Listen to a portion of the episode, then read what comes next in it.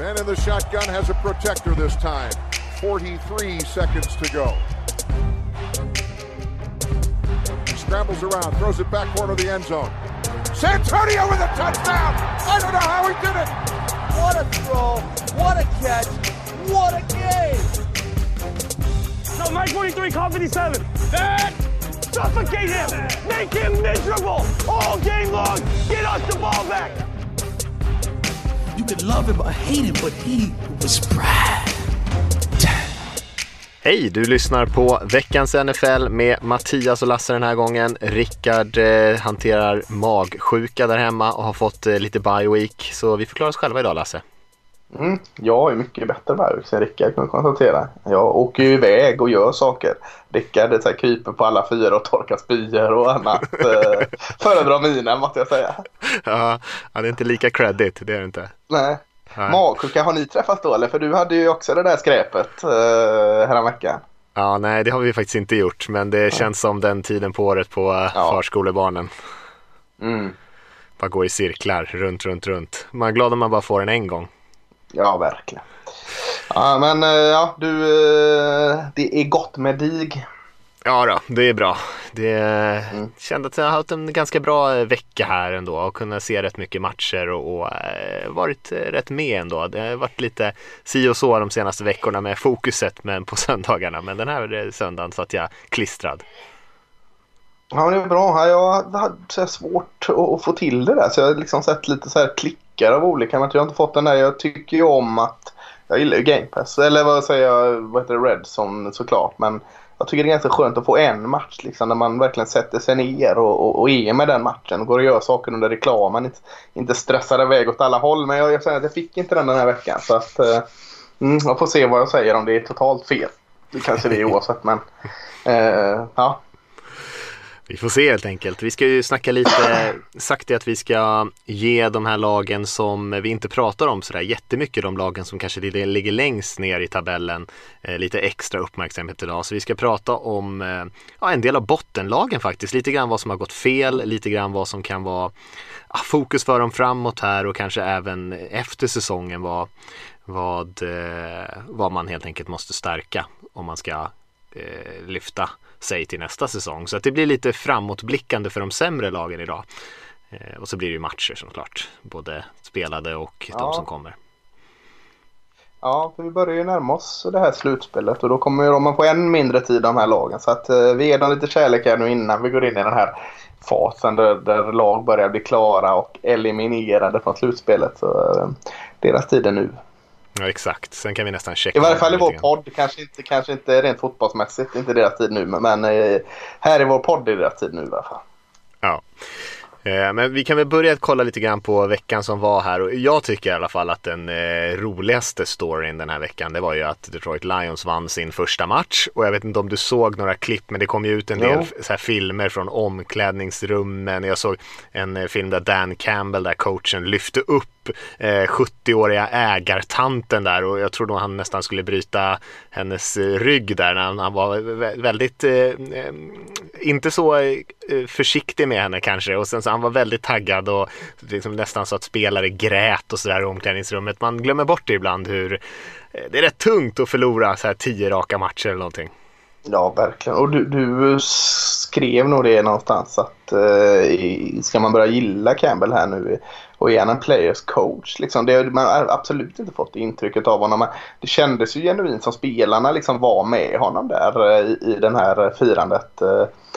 Och det är ju kul såklart för han har ju känts väldigt liksom fyrkantig och trubbig utåt i varje fall när han kom in och skulle käka knäskålar och allt vad det var så kändes det ju väldigt förleget hans sätt liksom. Eh, så det är roligt.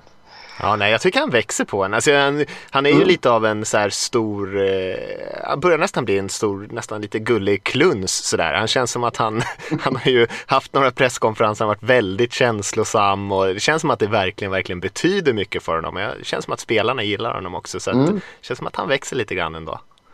Ja, det klippet var ju betydligt bättre än, jag vet inte om det var Ian Rappaport eller någon som la ut något jäkla inte, totalt meningslöst klipp när, när de liksom, ja det här värmer ju ens hjärta och så visar de typ i Bahamas när de tog den här eh, Sport Illustrated, så här, vad heter det, swimsuit katalog eller är det de som har den? Eh, Ja, det kanske det är. Ja. Goffs Goffs, Goffs flickvän eller fru där fick liksom se klippet när de, eh, han gjorde sin passande. Det känns liksom så jävla gubbigt att det liksom eh, bikinidamer som gladde sig över det. Då var ju det klippet med den 70-åriga damen betydligt bättre tycker jag. Ja, det, var, det var mer min stil i alla fall. ja, absolut. ja, nej, men det, jag, jag kollar faktiskt inte på den matchen live. Jag har sett lite från den sen, men man kan väl säga att Lions, eh, ja de gick för det verkligen. Spelade på fjärde down, kom med en, en game winning drive och tog det där på slutet med ett, eh, ett hjältespel där från eh, Jared Goff till eh, rookien Amon Ra St. Brown där som avgjorde matchen. Så att en, en riktig sån där nagelbitare för dem också som de faktiskt fick vinna. De har ju varit i några jämna matcher och inte lyckats vinna i, tidigare i år, Lions. Ja, kändes ju också lite så hopplös. Han tog väl ledningen tror jag. Ja, jo det gjorde han. Tog alltså en ganska stark ledning in i paus där. Eh, och sen så hämtade Vikings i kapp och så tänkte man nej inte igen. De, de, de ledde med 26 tror jag halvlek och så mm. kom de i kapp där eh, och sen ändå vinna. Så att eh, äntligen på rätt sida av marginalerna. Så nej men det är klart det var kul för dem. Verkligen, och lite tristare kanske för Vikings på andra sidan då. Men eh, som Ja, slutspelet ser tufft ut nu. Ja, det gör ju det. Det gör ju det. Eh, jag, jag, såg eh, på en, bland 19 matcherna på söndagarna såg jag Chargers Bengals matchen. Kändes som att många mm. tittade på den. Också en väldigt speciell match. Väldigt, väldigt slarvig. Jag tror det var sju turnovers i den här matchen. Eh, fyra på, på Bengals och eh, tror, tror det kom upp i 10 sacks eller något sånt där.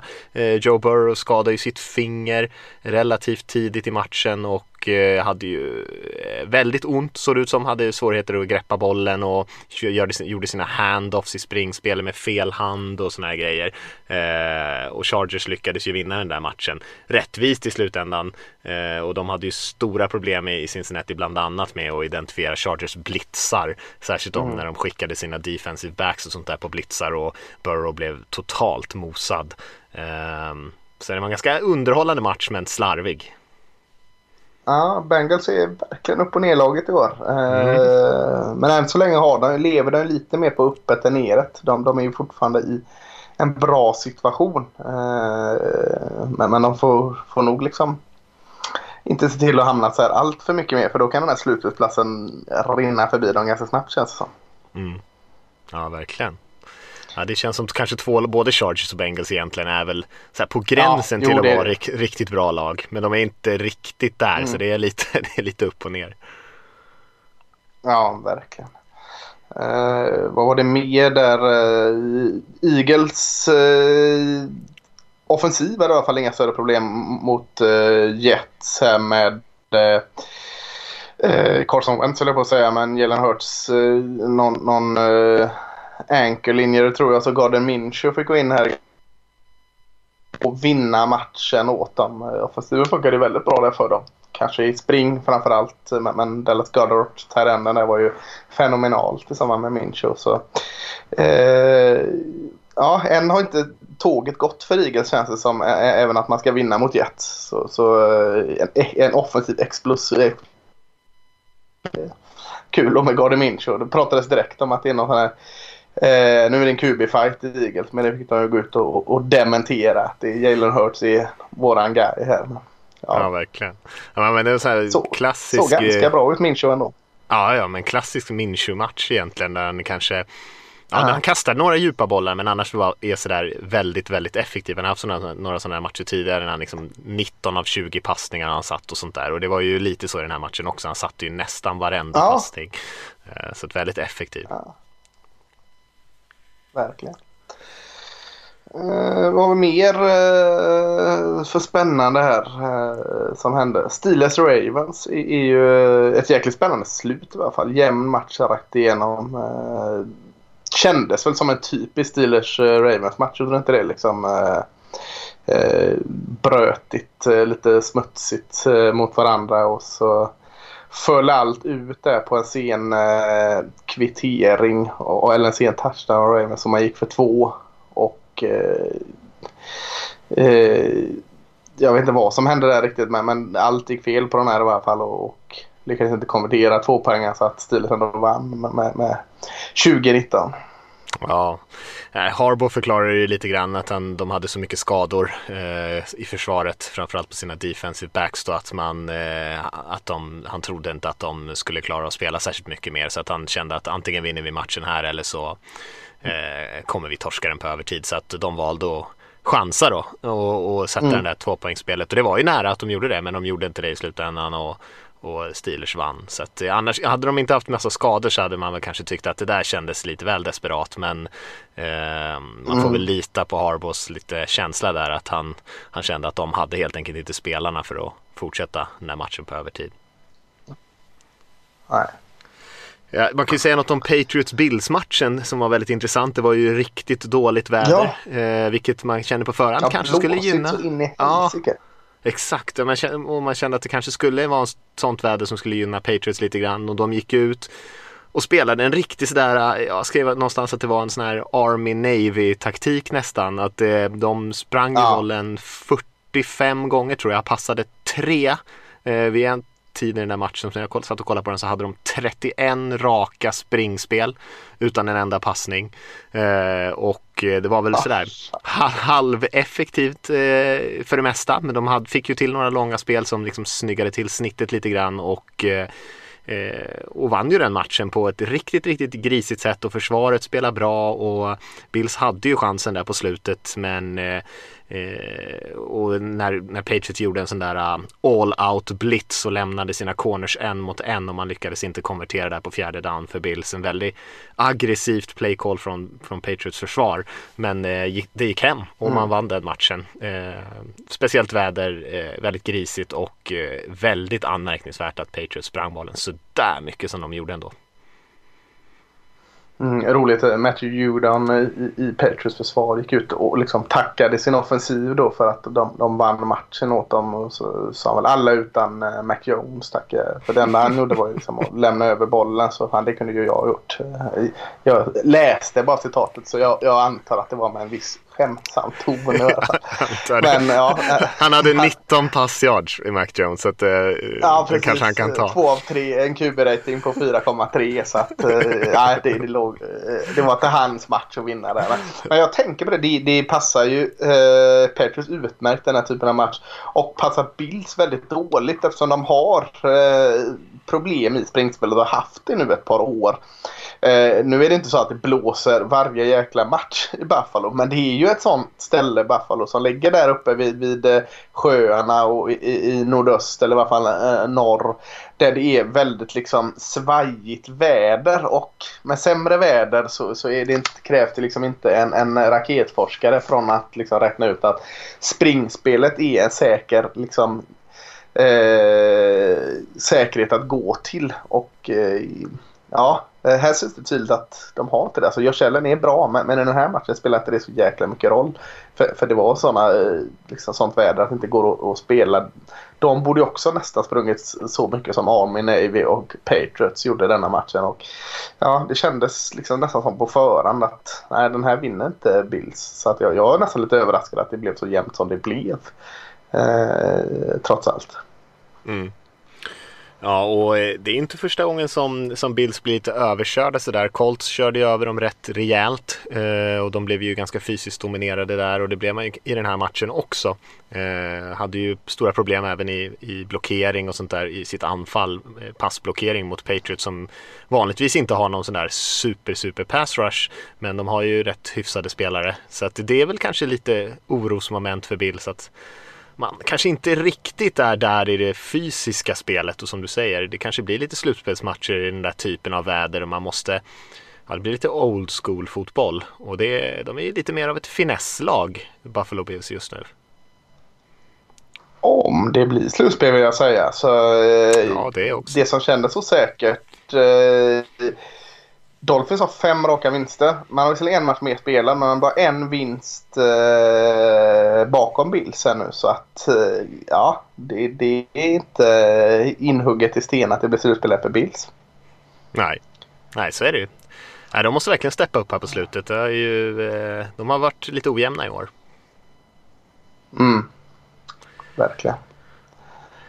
Eh, man kan, jag tycker man kan nämna någonting. Jag såg den här Broncos-Chiefs-matchen också. Vi behöver inte prata så länge om den. Men det var väl också en sån där match där Chiefs eh, anfall igen hade jättestora problem eh, mot Broncos försvar. Och eh, det var väl egentligen Kansas Citys för, försvar som vann matchen åt dem. Och det är inte första gången. Det känns som de spelar bättre och bättre den här säsongen. Nu har ju Denver kanske inte har det läskigaste anfallet i, i NFL. Men eh, men ändå tänker man väl ändå att de skulle kunna flytta bollen lite bättre än vad de gjorde här. Bridgewater hade ju några ganska sunkiga eh, interceptions och eh, man var helt enkelt inte alls effektiva där. Men eh, ja, Chiefs vinner ju den matchen. Det, det, får man ju se som positivt mot en tuff divisionsmotståndare ändå som utmanar lite i, i AFC West där. Men eh, att anfallet fortfarande har lite problem eh, ska man kanske inte helt blunda för. Nej, det är bara mot cowboys de här eh, eh, anfallen i eh, AFC West liksom får blomma ut. För annars så eh, har ju både eh, Las Vegas, Denver och, och, Kansas City problem med sina offensiver här. Mm. Såg att han, spelaren som jag gillar att hacka på lite extra, Daniel Sorenson, gick in och gjorde en ganska stilig pick six där och, och returnerade den för 75 yards eller något. Så ja, Chiefs försvar är ändå överraskande bra. Mm, mm, verkligen. Eh, är det något mer vi vill nämna från vecka 13? Rams vann igen, men det är, det är liksom ingen överraskning. 37-7 mot Jaguars. Men, men mm. eh, första vinsten som de gick all in kan man ju säga då. Mm. Eh, eh, skönt för dem att komma på rätt köl igen där. Och, och det Seahawks satte lite av käppar i hjulen för 49ers som väl såg en chans att eh, haka på i den här slutspelsfighten. Det blir tuffare att höra. Ja, det blev de slarvig, det var en ganska slarvig match eh, överhuvudtaget men eh, Garoppolo spelar ju inte alls bra. 49ers hade en del fumbles, en del dåliga spel i special teams. Det var ganska mycket flaggor. Man hade ett gäng personal fouls, eh, så roughing the passer flaggor. Eh, ja, ganska grisigt. Jag tycker att eh, Seahawks vann ändå den relativt rättvist. Man hade bollen nere vid 49ers 30 yards linje tre gånger och gjorde noll poäng av de tre gångerna eh, innan man, innan man liksom vände det och gjorde poäng när man kom ner dit. Så att de var ändå där nere och hade chansen många gånger och kunde säkert ha gjort lite mer poäng. Men eh, det var en mm. ganska slarvig match eh, överhuvudtaget och inget sådär superkvitto för att Si också har vänt någonting utan ganska grisigt. En fake-punt på typ, eh, jag vet ja. inte hur många yards det var. Eh, väldigt, eh, väldigt långt fake-puntspel där 49ers helt stod och sov. Ja, det är inte allt för ofta Siox uh, och, uh, håller på med sådana nymodigheter som att fejka spel. Det, nej, jag kan, inte, nej, jag kan inte minnas att jag någonsin har sett en fake punt sen Pete Carroll tog över ändå för 12 år nej. sedan. Så att, jag förstår att de kan, blev lite förvånade. Kanske var därför 49ers stod och uh, sölade lite. ja. kommer aldrig hända. Nej, men det såg väldigt, alltså de hade inte ens någon spelare på kanten av sin uh, puntblockformation så det var ju helt öppen gata. Eh, så ja, lite väl nonchalant ja. kanske. Ja. Eh, ska vi lämna vecka 13 och hoppa till eh, våra goda bottenlag?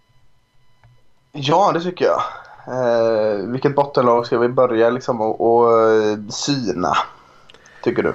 Eh, jag har Lions här högst upp på min lista om du tycker det är ja, då, rimlig då. Då kollar vi Glödhet Alliance nu som har en vinst med sig. Eh, Medvind.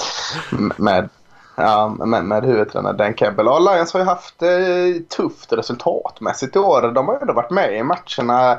Inte på något sätt att de eh, förtjänar att vara i slutspel eller ha bra record. Men, men de kanske inte förtjänar att, att ha bara en vinst och en oavgjord. De har det där med men, eh, ja, det är väl inte helt överraskande att de är här nere, Mattias?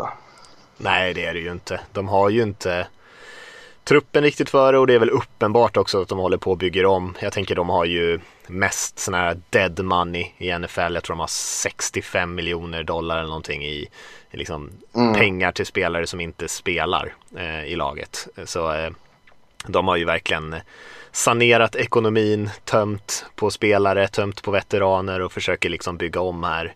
Och det är klart det syns i truppen. Men jag tycker att eh, som du säger, Campbell har gjort ett ganska bra jobb ändå att hålla dem i matcherna eh, Mm. med tanke på hur, eh, hur svag trupp man faktiskt har.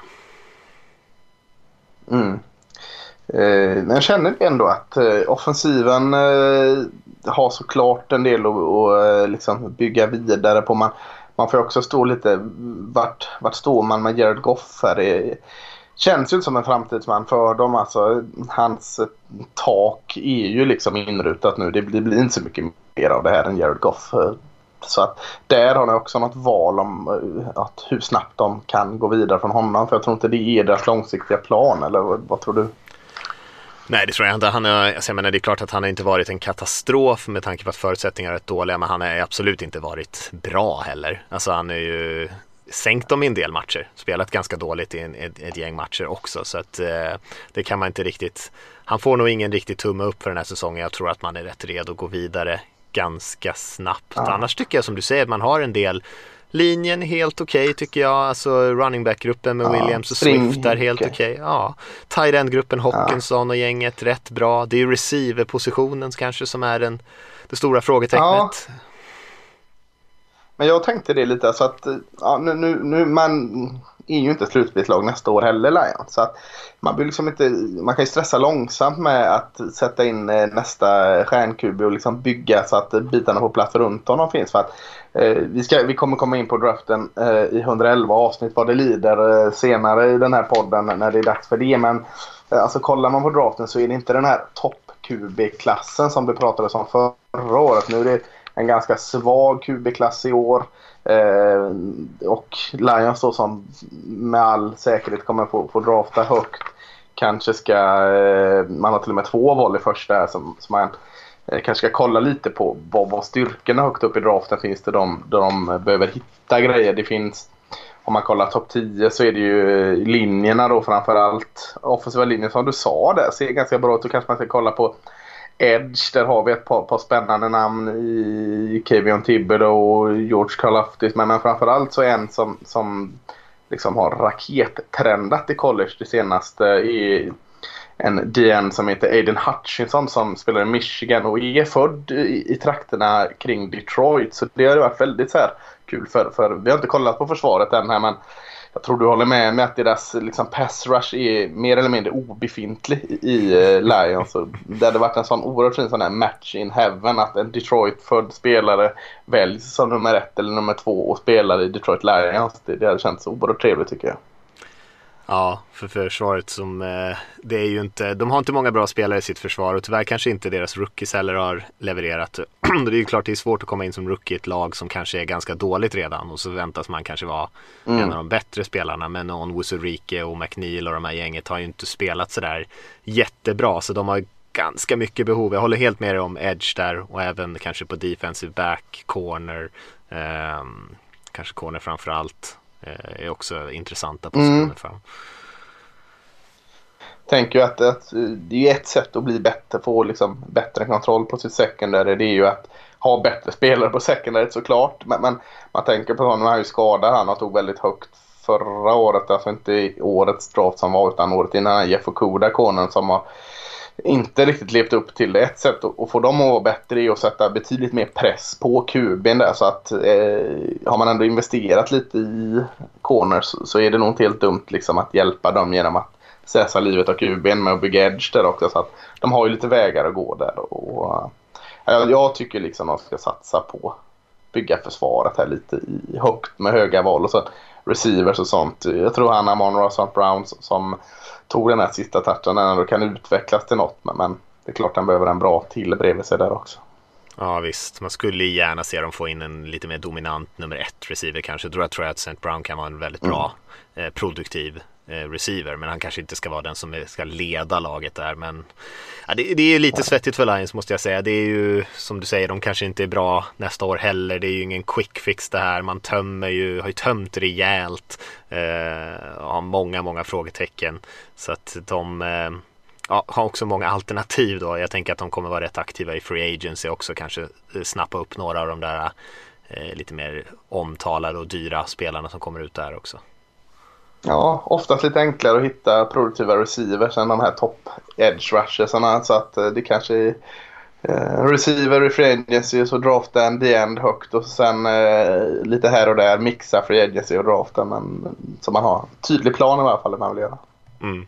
Ja, nej visst. Eh, ska vi... Nästa på din lista?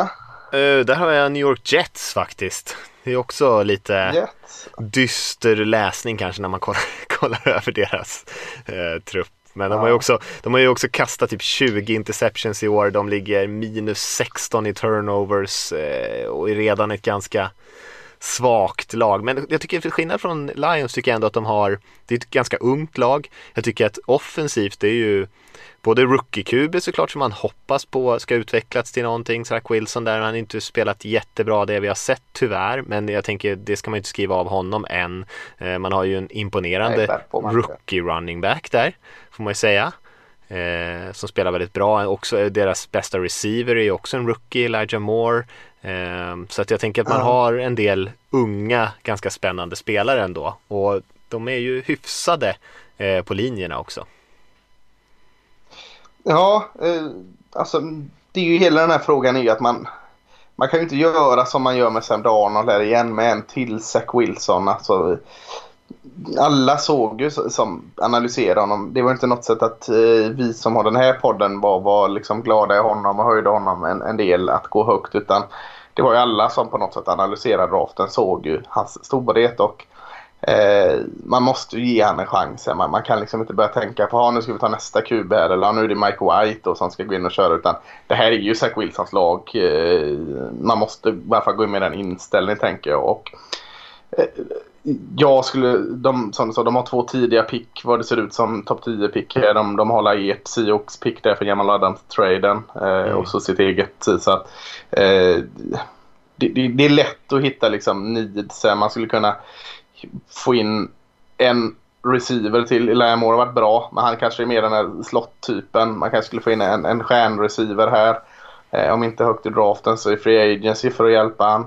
Sen har de ju eh, Mika Becton eh, visserligen och, och rookien Attacker har sett helt okej okay ut. Men skulle inte alls skada att få in någonting till högt där i den offensiva linjen just liksom för att hjälpa Zach Wilson här. För det måste man göra nu. Man, man, man har lätt hitta hål i försvaret som man måste fylla också. Men jag tycker prio 1, 2, 3 är att få Zach Wilson att funka. Och då, då är det ju eh, liksom in, även att man har draftade Macabecton högt tackle och man draftade Vera Tucker guard högt förra året. Så in med en till. Det, det, det är en, en eh, relativt bra eh, O-line-klass i år här. Så att eh, något av de höga valen, sätt det på offensiva linjen. Är det en tackle, visst, det skadar inte att ha en till där. Du kan säkert peta in Morgan Moses eller du kan peta in Fant eller vem det nu är. Eller ersätta dem rakt av och så en, en, en betala pengar till en wide receiver i free agency så ger du Zach Wilson alla förutsättningar. Sen kan man laborera och pilla med de här problemen man har i försvaret. Secondary ser ju bedrövligt ut. Alltså, ja. går knappt att nämna några corners i det här laget. Så det är klart att det är ett jättebehov. Men, men eh, ja, ja, min fokus skulle i alla fall vara Zach Wilson, Zach Wilson, Zach Wilson. Ja. Ja, det är nog klokt för man måste ju veta om man är rätt ute där liksom. Och då måste man ge honom bra förutsättningar. Jag tycker ja. att ändå så här, de, det här är inte en så här katastrofal trupp tycker jag Jets ändå. De, jag tycker att coachstaben eh, än så länge med Robert Sala där inte riktigt övertygat. Alltså de borde kunna spela lite bättre med den här truppen de har. Och även det där man känner att man, de borde vara väldigt bra på typ defensiva linjen till exempel. Så er, levererar de inte alltid riktigt på den nivån som man skulle önska. Men det är ju inte där man vill gå in och förstärka i i första hand utan det är som du säger anfallet och bygga någonting runt Wilson. Kanske i, i sitt secondary lite grann kanske kan ta in en erfaren linebacker i, i free agency som inte är så här tokdyr inte någon så här Mosley värvning igen utan någon kanske bara mer rutinerad spelare.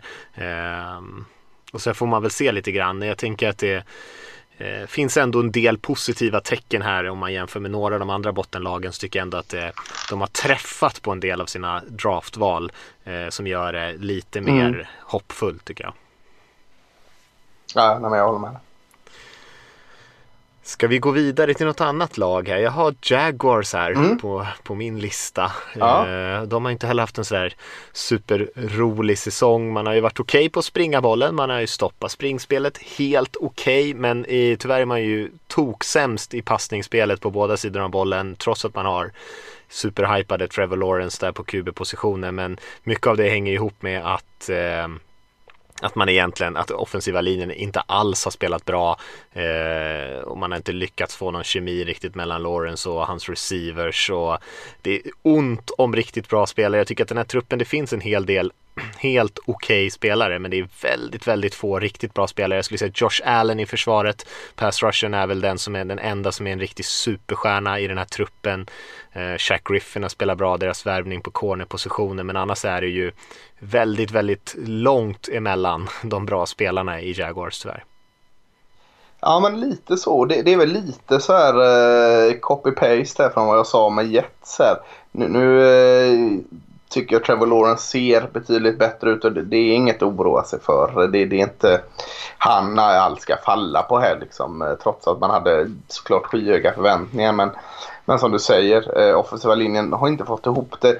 Man för man så är det namn där som man gillar. Jag tänker bara både alltså Cam Robinson och Andrew Norwell. Andrew Norwell har inte liksom levererat. Nu tror jag han är free agent så de släpper han är men eh, det är klart att eh, offensiva linjen är eh, är en prio här tycker jag. Och receivers. Jag tycker man har väldigt många bra andra och tredje receivers. Man har en helt hög med andra och tredje receivers som är bra. Lacon Treadwell, Marvin Jones, Laviska Chinot. Eh, det är sådana här bra alla, tredje receiver kanske, Marvin Jones andra receiver. Men du behöver som du säger en bra liksom, receiver som funkar med Trevor Lawrence där. Så kommer det göra de andra bättre också. Så, så eh, offensiva linjen och receivers eh, i ett behov och så sen ja, jag vet inte, kanske något på insidan, defensiva linjen, stärka upp den lite. Mm. Eh, ja, du säger att Shekel Griffin har gjort det bra, det har han, men eh, han känns också lite ensam där och att han ska bära det säkert, det vet jag inte. Så där behövs det göra något kanske. Det är ganska lätt att hitta vad man ska peta in saker där, men, men eh, ja, eh, hur är det med den här turbulensen. Den har lagt sig lite i alla fall medialt eh, turbulensen med här. Men de har ju det här som förföljer dem år ut och år in. Att de har svårt att behålla spelare och de har svårt att locka in spelare till Jacksonville Jaguars. Så att det är ju lätt att säga att ja, Von Miller är en eh, free agent. Signa han.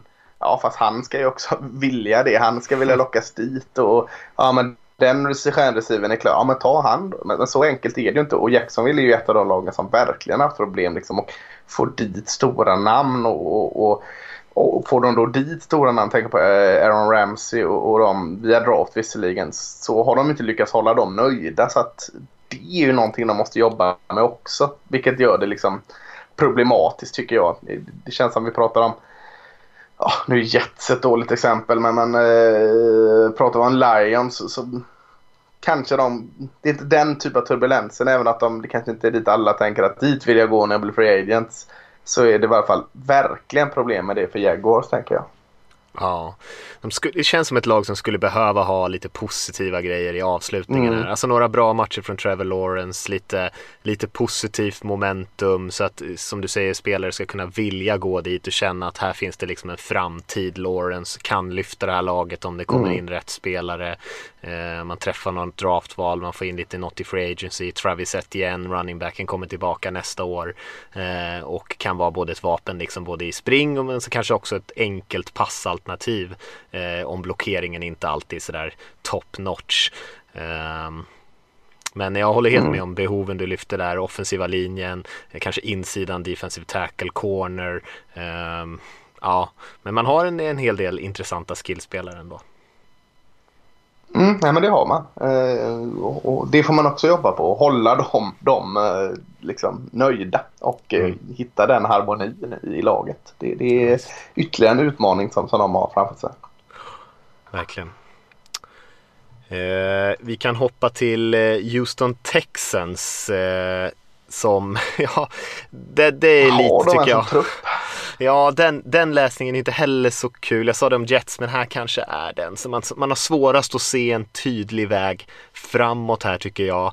Eh, särskilt i anfallet. Jag tänker att där finns det nästan ingenting positivt. Alltså, det är klart att Brandon Cooks till exempel har spelat bra, men jag menar han är ju inte en spelare som man ska bygga kring. Han är väl inne på typ sitt sjunde lag eller något sånt där, hoppar runt väldigt mycket. Eh, väldigt kanske oroväckande tycker jag att Titus Howard inte har utvecklats särskilt positivt. Eh, han börjar ju svettigt sin karriär in på sitt tredje år här och han ser inte bättre ut än vad han gjorde sitt första. Eh, och hela offensiva linjen är ju egentligen en enda katastrof där och man har inget svar på QB. Eh, ja, running back positionen också extremt svag. Eh, försvaret, det är jättesvårt att hitta spelare att bygga kring där tycker jag också. Så att här finns det ju, ja du kan nästan dra en position ur en, ur en hatt här. Eh, så skulle de behöva förstärkning. Mm. Ja, jag, jag håller med. Men jag tänker också att man kan vända det till något positivt. Här. Man har ett blankt blad här att jobba med. Mm. Du har, du, alltså, Houston-fansen kan ju inte förvänta sig någonting annat. Ja, vi hoppas i alla fall att det blir lite bättre. Vi hoppas att vi hittar en riktning. Och det har man ju goda möjligheter att göra då med det här, med det här bladet. Man har ju skeppat iväg spelare. Alla som har haft en tendens att vara lovande, de skickar man iväg också liksom nu. För nu ska vi ha det här blanka bladet.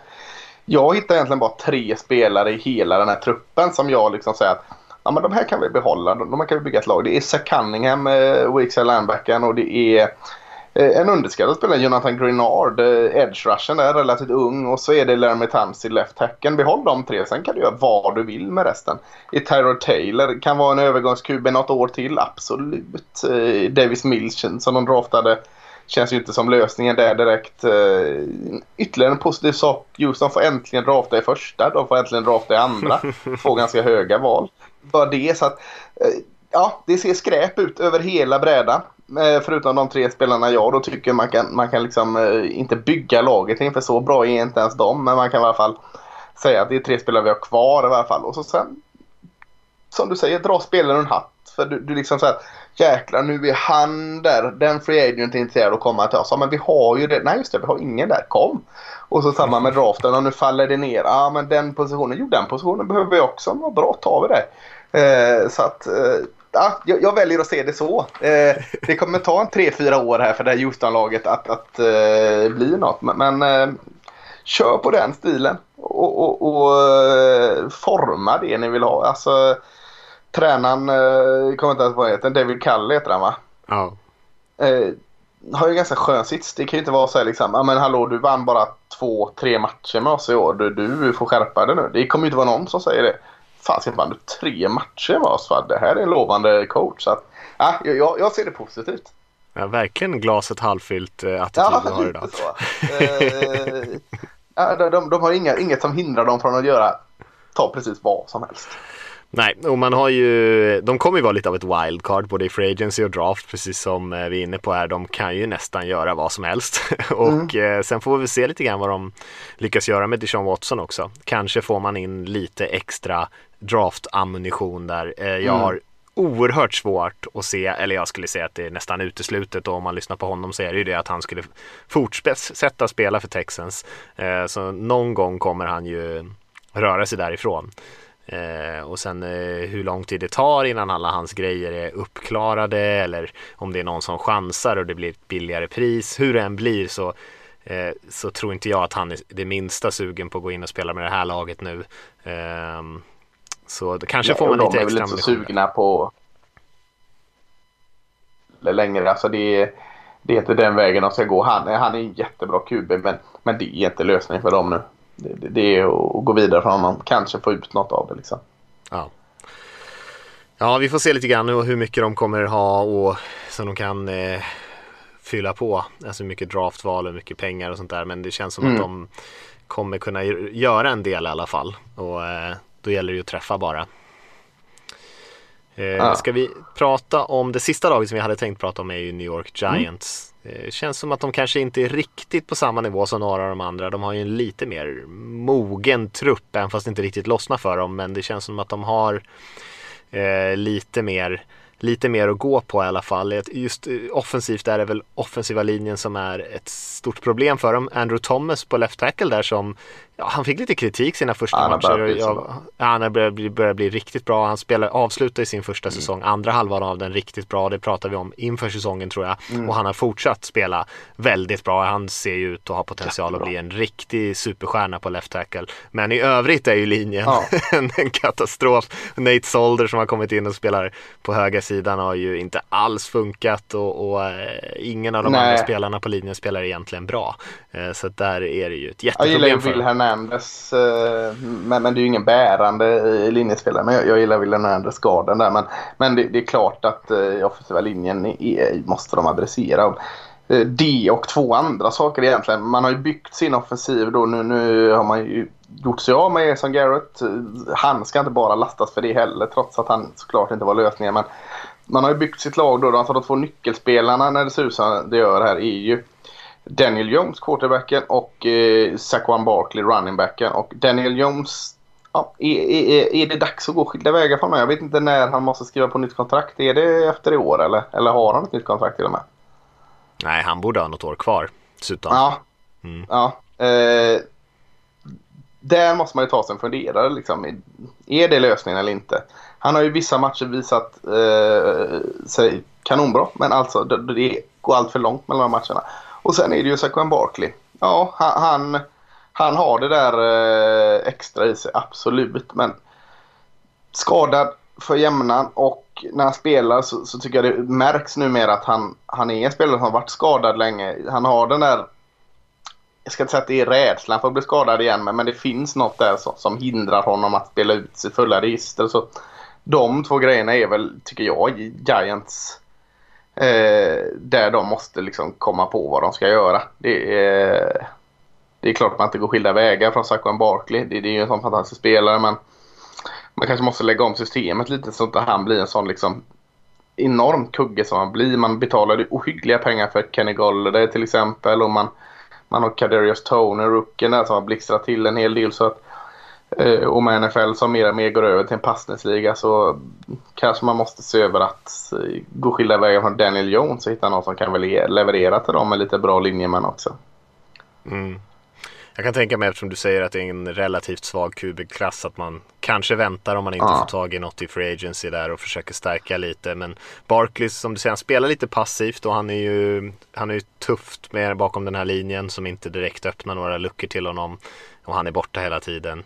Så det är ju eh, ett ganska svårt läge där. Ehm, Men ja, jag skulle definitivt kunna tänka mig att man satsar lite grann på o-line. Jag tror att man kommer drafta en running back, kanske inte sådär jättetidigt, men man måste ju ändå ha någonting bakom Barkley med tanke på hur mycket han har varit skadad och sånt där. Det har man ju inte riktigt. Mm. Nu har man ju Devontae Booker tror jag som spelar eh, när han är borta. Mm. Och det är ju liksom inte, heller, det är inte riktigt ett svar. Booker har ju hoppat runt i NFL i lite olika lag och ja, jag, jag tror att man måste kunna få in någon lite yngre, lite piggare running back där som kanske kan fånga lite passningar dessutom och igen liksom en annan dimension även om Barkley spelar.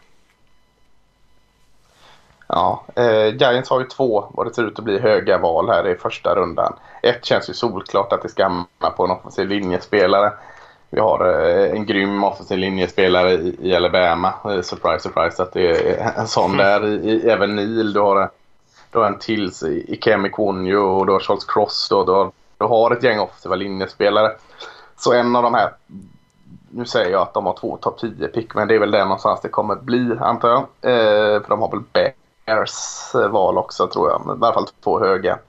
Att en liksom känns cementerad till att bli en linjespelare, även om det blir en utsidig linjespelare, en insidig linjespelare. Det, vi har Eh, den, den bästa center på en evighet ut från college i år också i Tyler Linderbaum. Så att eh, eh, där har du en linjespelare. Sen, sen så, eh, så vet jag inte försvaret i.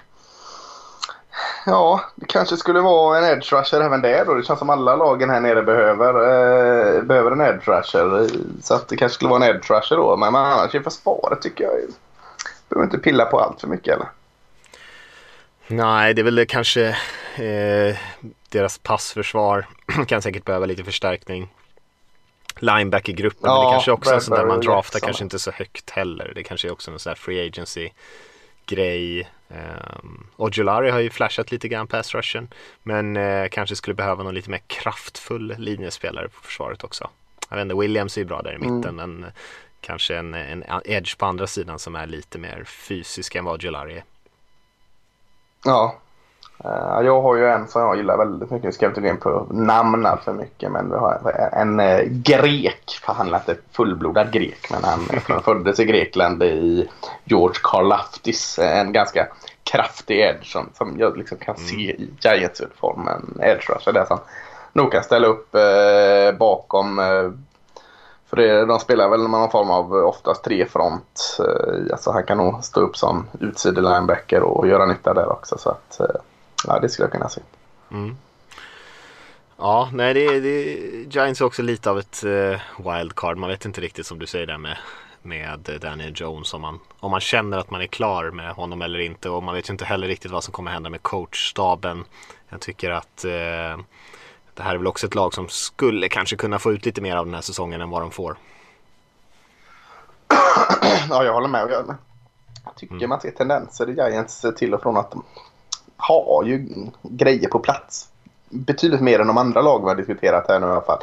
Giants skulle ju kunna vara eh, ett av de i linje med i alla fall Eagles och Washington som har fått lite fräs i, i NFC East. Så att, ja, eh, små fix kan, kan göra mycket här till skillnad från då Houston och Jacksonville och, och kanske.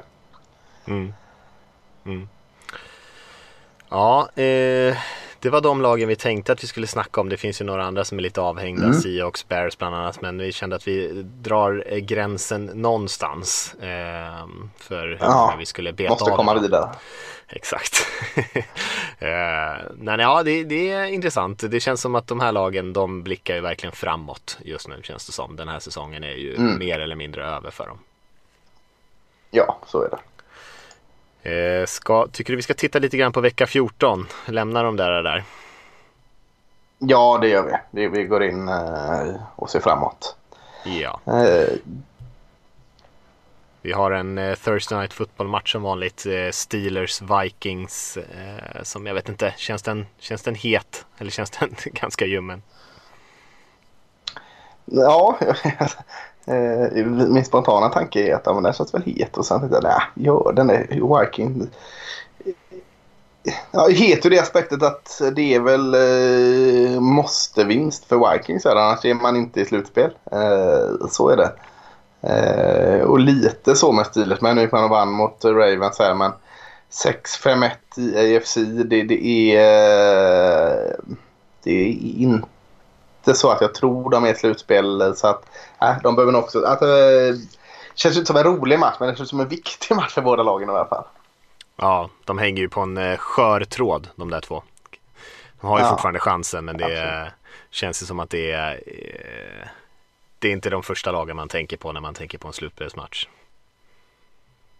rolig ur aspekten. Alltså, eh, Vikings offensiv är ju faktiskt rolig. Kirk Cousins bombar ut till då framförallt Justin Jefferson. Det, det är ju roligt i den matchen. Eh, du var inne på det lite innan vi tryckte på eh, inspelningsknappen här. Justin Jeffersons två första säsonger är något du hästvägar alltså. ja, ja, han hade ju 1400 yards sin första säsong och nu är han redan uppe i 1200. Han hade ju 180 yards någonting här förra veckan och han måste ju börja närma sig några av de här rekorden som är ja, som man alltid gillar att prata om liksom flest yards efter två säsonger eller snabbast att nå den här eh, totalen eller något sånt där. Han måste ju vara uppe där bland de mm. absolut eh, bästa, liksom hur man startar sin karriär, liksom Randy Moss eller Odell Beckham Jr stil liksom på hur fort han har kommit igång ändå. Mm. Så, så ja, det skulle, om vi skulle hitta någon rolig ros i den här gyttjepölen så är det väl... Eh... ja. Eh, jag tycker det finns, det finns, annars finns det en eh, del intressanta matcher tycker jag. Om vi hoppar till eh, den, de tidiga söndagsmatcherna så dels har vi ju Ravens Browns derbyt i AFC North som de, jag tycker ändå de två, mm. två av de lagen som ändå känns som att de är med i racet. Alla lag i AFC North är egentligen med i racet tillsammans med Steelers och Bengals där. Men sen även tycker jag att det är spännande matcher i AFC West mellan Raiders och Chiefs och vi har ju Cowboys och Washington som är så heta. Så det finns lite att välja på där ändå bland 19 matcherna. Mm. Och vad, vilket spår ska vi gå in och kolla lite här då? Ska vi... Ravens Browns är intressant eftersom Browns hade bye week förra veckan och veckan innan mötte Ravens igen där. Så, eh, eh, de, de behöver ju inte liksom byta blad på eh, matchfilmen de studerar eh, här. De, de förlorade ju den matchen mot Ravens senast. Eh, och nu vet jag inte hur mycket man kan liksom lägga in revanschlusta i den här. Det är väl alltid eh, heta känslor i de här matcherna. Framförallt med historien och lagbyten mellan de här två lagen. Så att, eh, det, liksom, finna motivation kring den här matchen är nog inte så svårt. Men ja, eh, vad, vad, vad är, hur är läget i Browns? Hur är läget med Baker Mayfield? Det är ju en frågan. Eh, eh, som man vill ha lite mer svar på i den här matchen tänker jag. Jag tänker att en, en vilovecka borde ha gjort honom gott ändå. Han hade ju ett Ja, gäng så. olika, olika skador. Eh, och det känns som att det är upplagt för Browns ändå att- att göra en liten spurt här mot slutet med tanke på att de andra lagen i, i, i divisionen känns ju eh, relativt svaga just nu. Ravens har ju inte spelat sådär jättebra, har ju tappat många spelare, tappar ju ytterligare ett par spelare eller eh, en och annan viktig spelare för de här senaste veckan och, och Steelers är ju som de är med sina stora problem i sitt anfall och sådär. Så att Browns har ju en möjlighet ändå att försöka rädda upp den här säsongen lite grann. Men det, som du säger, det hänger ju lite på hur pigg Mayfield är och sådär och man, annars är det ju kretsar det ju oftast kring springspelet men han måste ju ändå kunna leverera när det behövs. Så att, eh, jag, jag tror mycket på Browns i den här matchen. Jag tror att de kommer få lite revansch på Ravens och, och börja någonstans tugga sig lite närmare en slutspelsplats. Jag tycker ändå de hör hemma där, även fast de inte har levererat det här på senaste tiden. Men jag tycker att det är ett slutspelslag egentligen. Mm. Och Ravens är intressant. Alltså, alla lag, eller de flesta lagen, har ju skador och dras med. Framförallt med den här extra kryddan som fortfarande hänger kvar med covid-spelare som liksom har poppat upp allt mer här nu när de liksom inte kan vara med på grund av covid. Men Ravens är ju ett lag som verkligen har lidit av skador. Egentligen från, redan från försäsongen och så drog de på sig ett gäng nya skador mot Steelers. Så att det är ju ett, äh, ett skadeskjutet Baltimore Ravens som, som äh, tar sig an Cleveland Browns äh, också. Så att äh, att de är 8-4 tycker jag är en jäkla fin bedrift av dem med tanke på hur vilken jäkla rotation de har haft på spelare. Ja, exakt. Och då var de ju snubblande nära att kunna ta den här mot Steelers här senast också. Så att eh, de har gjort det mesta av den här säsongen, får man ändå säga. Men eh, Det tycker jag. det kommer ju ikapp dem lite grann, alla de här skadorna. Det är ju inte, Ja, vi har sett sett lite misstag från Lamar och sånt där på senaste tiden också. Så det, ja, det är ju definitivt inget lag som eh, är omöjligt för Browns att slå tycker jag. nej, nej det, det, det är det inte. Inte med i, i det skicket de är nu. Haltande. Eh, Cowboys Washington där. Du sa att Washington är i, i god form och det är de ju. Och eh, jag som har fnyst åt deras eh, försvar och även anfall ända sedan vi började det här året får ju säga då att försvaret har verkligen spelat upp sig.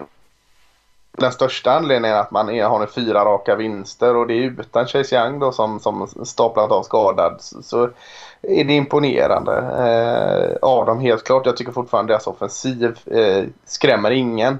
Eh, man har haft mycket marginaler på sin sida framför allt i offensiven. Mycket liksom som, jag ska inte säga tur, det, det, det är ett fult ord att ta till med, men marginaler på sin sida säger jag då.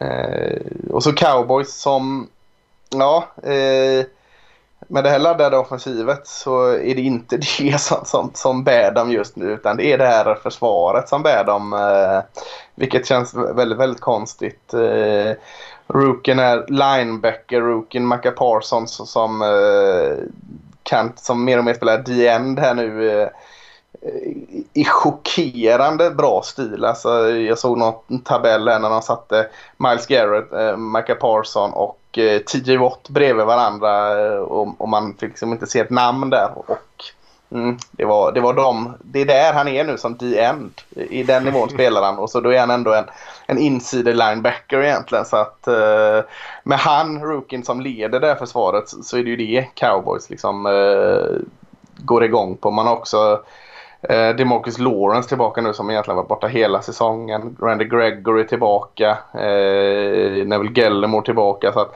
mycket som är tillbaka med skador i Cowboys också. Så eh, kan bara offensiven hitta tillbaka så kan nog Cowboys hitta tillbaka också. För att de har varit lite svajiga under eh, november här. Och, eh, så det gör det till en intressant match. Det gör det. Eh, jag vet inte hur är statusen på Cooper, Amari Cooper, vet du det? Jo, men han var inne. Han spelade förra matchen. Eh, ja, roterades okay. in och ut lite där så det såg bra ut. Han är ju så oerhört eh, skön att ha för att eh, man måste ofta sätta dubbelmarkering på honom eh, eftersom han är det är så dumt att säga att han är bästa routrunnen i NFL för det finns så många som är bra på det men han är en av dem som ska spekuleras vara den bästa routrunnen. Och, eh, det är så oerhört tufft för dem. Det släpper ju upp det mycket för CD Lamb och Michael Gallup så att, att han är tillbaka eh, är en oerhört trygghet både för, för Dak Prescott och de andra receiversarna. Mm. Gallup hade ju några sjuka spel eh, senast. några riktigt läckra mottagningar. Ja, han, han, är, är bra på, de på det här med att ha fötterna eller tårna precis innanför det vita. Det känns som att Deck kan kasta den tre meter utanför och Gallup som spagettiarmar och tår liksom ändå inne ja. och fångar dem. Ja, det, både han och Lam har ju verkligen highlight, eh, highlight-mottagningarna i sig. Men det är ju Cooper som är det, som du säger, den här eh, stabila veteranen som eh, alltid är på rätt plats, alltid springer tajta routes. Och, och um, jag tror att det är mm. väldigt nyttigt om han är i 100% styrka. Däremot såg ju Sik lite seg ut tycker jag senast. Han har ju, har ju också ja, haft lite skadeproblem. Och, Ja, men förvånande att han spelar ändå tycker jag. För jag tyckte det syntes så tydligt ja, att han var inte alls i, i, i 100% men... Ja, nej, springspelet har inte sett alls eh, bra ut. Men jag tror att eh, Dallas tar den här matchen eh, ganska enkelt mot Washington.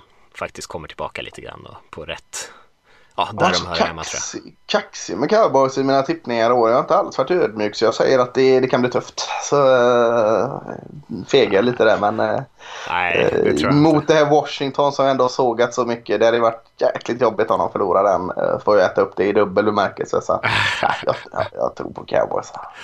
Jag tror de gör slarvsylt av Washington om jag ska vara ja, riktigt ärlig.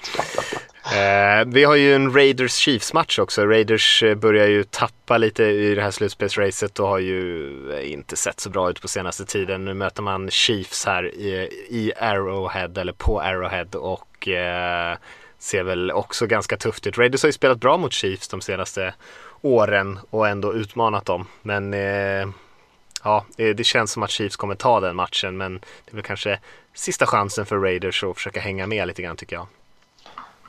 Raiders hade väl den bra matchen mot Cowboys. Sen hade det varit riktigt dåligt eh, mm. bra länge här nu för dem. Så att, ja. eh, på pappret känns ju solklart Chiefs. Och, eh, eh, framförallt då försvarsmässigt då, när de har spelat upp sig så. så kan han nog få Derek Carr och, och fatta lite felaktiga beslut känns det som. Och när han inte har en uppsjö av receivers till hjälp och en offensiv linje som är eh, på sin prime så, så eh, ja, vad heter han edge rushen här nu? Chris Jones va?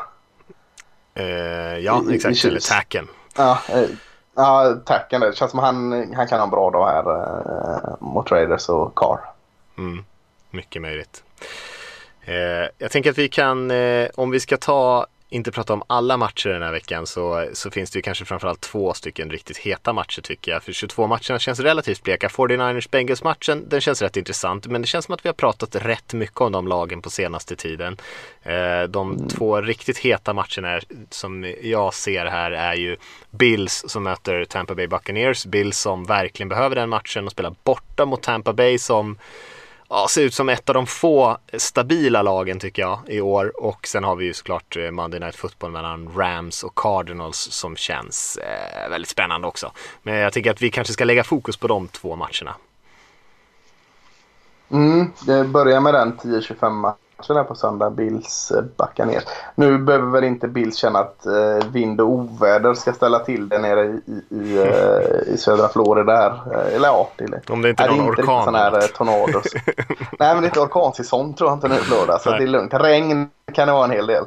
Eh, så att på bortaplan i, i Florida eh, känns det som det passar dem bättre. Det, det, och de har ju ändå inget springspel och, och Buccaneers toppar allt springspel. Så att eh, det, om man ska kolla så så är det ju en fin matchup för Bills här. Att deras offensiv, eller Buccaneers styrka i försvaret är ändå ingenting Bills förlitar sig på. Så att eh, jag Josh Allen bomba ut så mycket du kan eh, mot dina receivers. Eh, Annars med backa ner så känns det som att, eller jag tänker i alla fall så att eh, de har så fint lag, må, många, jättemånga bra spelare. Men just nu så är det enda jag känner det är Tom Brady och, och uh, Rob Gronkowski som, som är backa ner offensiv. Mm. Och, och, det är det ju inte. De har jättemånga fina, de har en grym offensiv linje, de har jättemånga bra receivers och annat. Men eh, det känns så liksom som att ja, det här är precis som det var när de var i sin prime, de två i New England Patriots. Att de bär det offensivet just nu.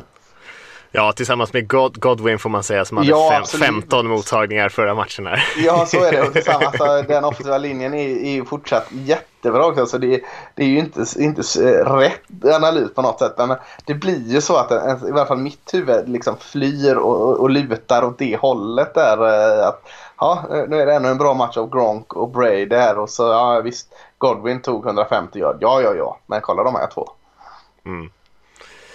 Ja, nej, jag håller med dig. Jag tycker det känns som, eh, jag håller helt med att det är en en ganska schysst matchup för Bills. Alltså mm. kasta lite grann på det här uh, Tampa Bay passförsvaret som ändå går att utnyttja. Det är väl att passblockeringen håller upp lite bättre än vad man gjorde mot Patriots här för nu. De har ju ändå bra pass rushers i, i Buccaneers. De har ju mm. bra linje, bra pass rushers och det är väl det som man känner kanske kan ställa till det för Buffalo här om man inte lyckas hålla upp i, i eh, på, den, på den offensiva linjen. Men eh, kul match och eh, väldigt, väldigt viktig för Buffalo. Inte alls särskilt viktig för Tampa Bay som liksom seglar sitt piratskepp till slutspelet den här säsongen känns det som. Men för Bills är den här matchen eh, väldigt viktig.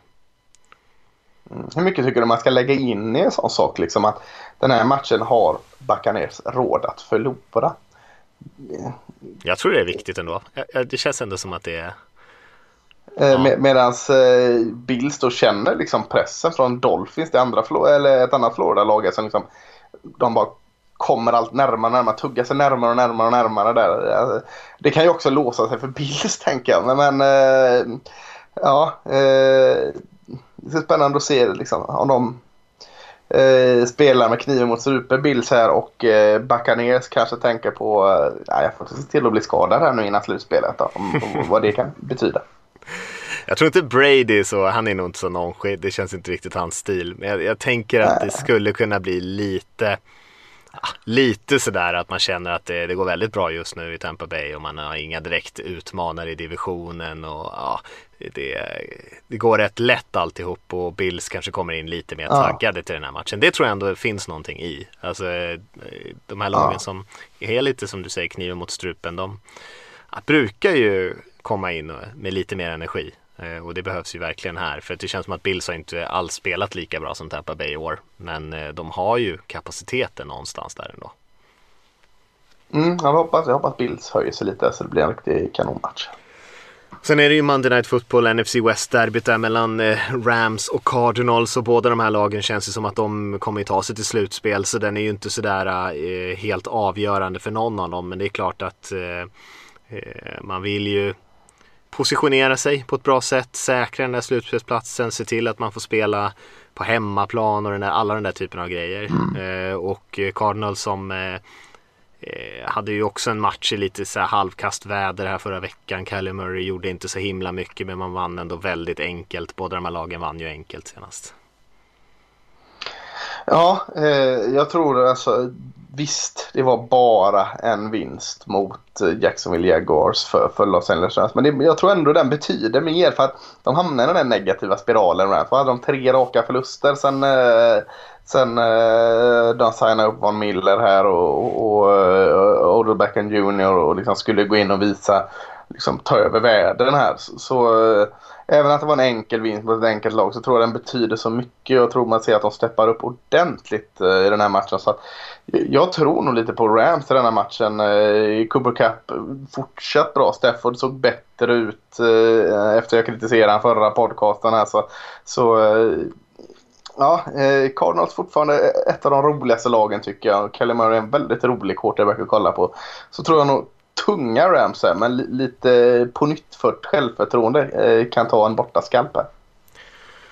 Ja, och eh, ja, man brukar prata om det i NFC West också, att de här lagen eh, Ja, du vet bara att eh, Seahawks vinner alltid över 49ers, Rams vinner alltid över Seahawks eh, och eh, Rams vinner alltid över Cardinals och Cardinals vinner alltid över Seahawks. Lite sådär att det är ja. väldigt tydligt i, i favoritskapen i de här matcherna och Rams har ju vunnit, tror jag, åtta av de nio senaste mot Cardinals eh, och har ju lite haft, varit ganska dominanta i den här eh, serien, matchserien mellan de här två. Så det känns som att de har någonting som gör att de eh, som brukar slå Cardinals här. Och de, eh, jag tycker att det är två jämna lag ändå, även fast Cardinals har spelat väldigt, väldigt bra i år och Rams har varit lite mer upp och ner. Så att, ja, kanske ligger något i det du säger, att de kommer in här med lite självförtroende, lite medvind. Mm, hur har uh, Von Miller sett ut egentligen? Jag har inte tänkt så mycket på honom. Det, det jag har sett av eh, Rams sedan han kom dit. Uh, tror han var ganska anonym ändå. Aaron Donald var ju väldigt bra ja. senast till exempel. Men det var inte så mycket som, eh, man tänkte inte på Von Miller på samma sätt riktigt. Nej, han spelar väl lite annorlunda. Det känns lite mer som han spelar en sån här uh, weak side linebacker med lite annat uh, ansvar där. Men Von Miller och Aaron Donald borde vara en matchup mot vad jag tycker fortfarande är en lite skakig offensiv linje där. Att kan Aaron Donald lura ut Kylie Murray lite från mitten så kan Von Miller komma lite på utsidan och smälla på där. Så, eh, det kan vara en rolig match i matchen hur, hur eh, en dansande Kylie Murray ska undvika eh, tunga pjäser i, i Rams. Ja. Eh, nej, det är en intressant match, väldigt intressant match såklart. Eh, två underhållande lag. Skulle vara eh, kul att se Kyler Murray också komma tillbaka eh, och spela. Nu var han ju ganska anonym senast men komma tillbaka och verkligen vara den där Kyler Murray som man älskar att titta på. Det skulle göra den underhållningsvärdet mm. i den här matchen lite högre även om Rams i slutändan skulle vinna. Verkligen. Ja, kul. Det känns som att det, det var framförallt de matcherna som var intressanta att lyfta tyckte jag. Mm, nej, men jag håller med. Jag håller med. Det är... Ja, eh kanske inte den, den hetaste eh, NFL-veckan är faktiskt ganska mycket. Men, men så blir det ju nu. Ju, ju, längre fram på säsongen man kommer då är det, blir det de här matcherna som är avvägda. Seahawks, Texans och eh, vad vet jag.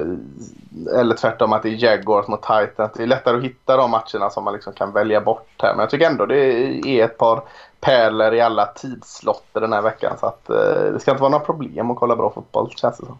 Nej, jag håller med. Eh, och nästa vecka då hade vi nog tänkt göra lite power ranking. Eh, och titta ja. lite på den som vi gjorde förra gången och uppdatera den lite grann. Det känns som att det har hänt en hel del på eh, många lag som har rört sig upp och ner. Så det blir kul och då är Rickard tillbaka mm. också. Men eh, Vem annars... hade du satt som etta, vem hade du satt som etta nu? Uh, det har jag inte Om tänkt på. Jag skulle... lite. Ja, jag skulle... Oh, kanske Packers. Packers. Ja, jag säger nog också Packers. Mm, du hade Packers förra gången Står kvar vid min etta. Ja, mm, det är starkt. Kvar där. Kan lämna in samma lista. Ja. det är perfekt. Ja. Uh, ja. ja. Vi, får, vi får se nästa vecka hur det blir. Ja, det blir spännande. Vilken cliffhanger. Mm. Vi, om, ni vill, om ni vill skicka in någon fråga så går det såklart också bra. Eh, annars får ni lyssna oss, eh, på oss och tjata power ranking hela nästa veckas avsnitt om ni inte gör det. Men vi säger så för den här veckan. Tack för oss så hörs vi om en vecka. Ha det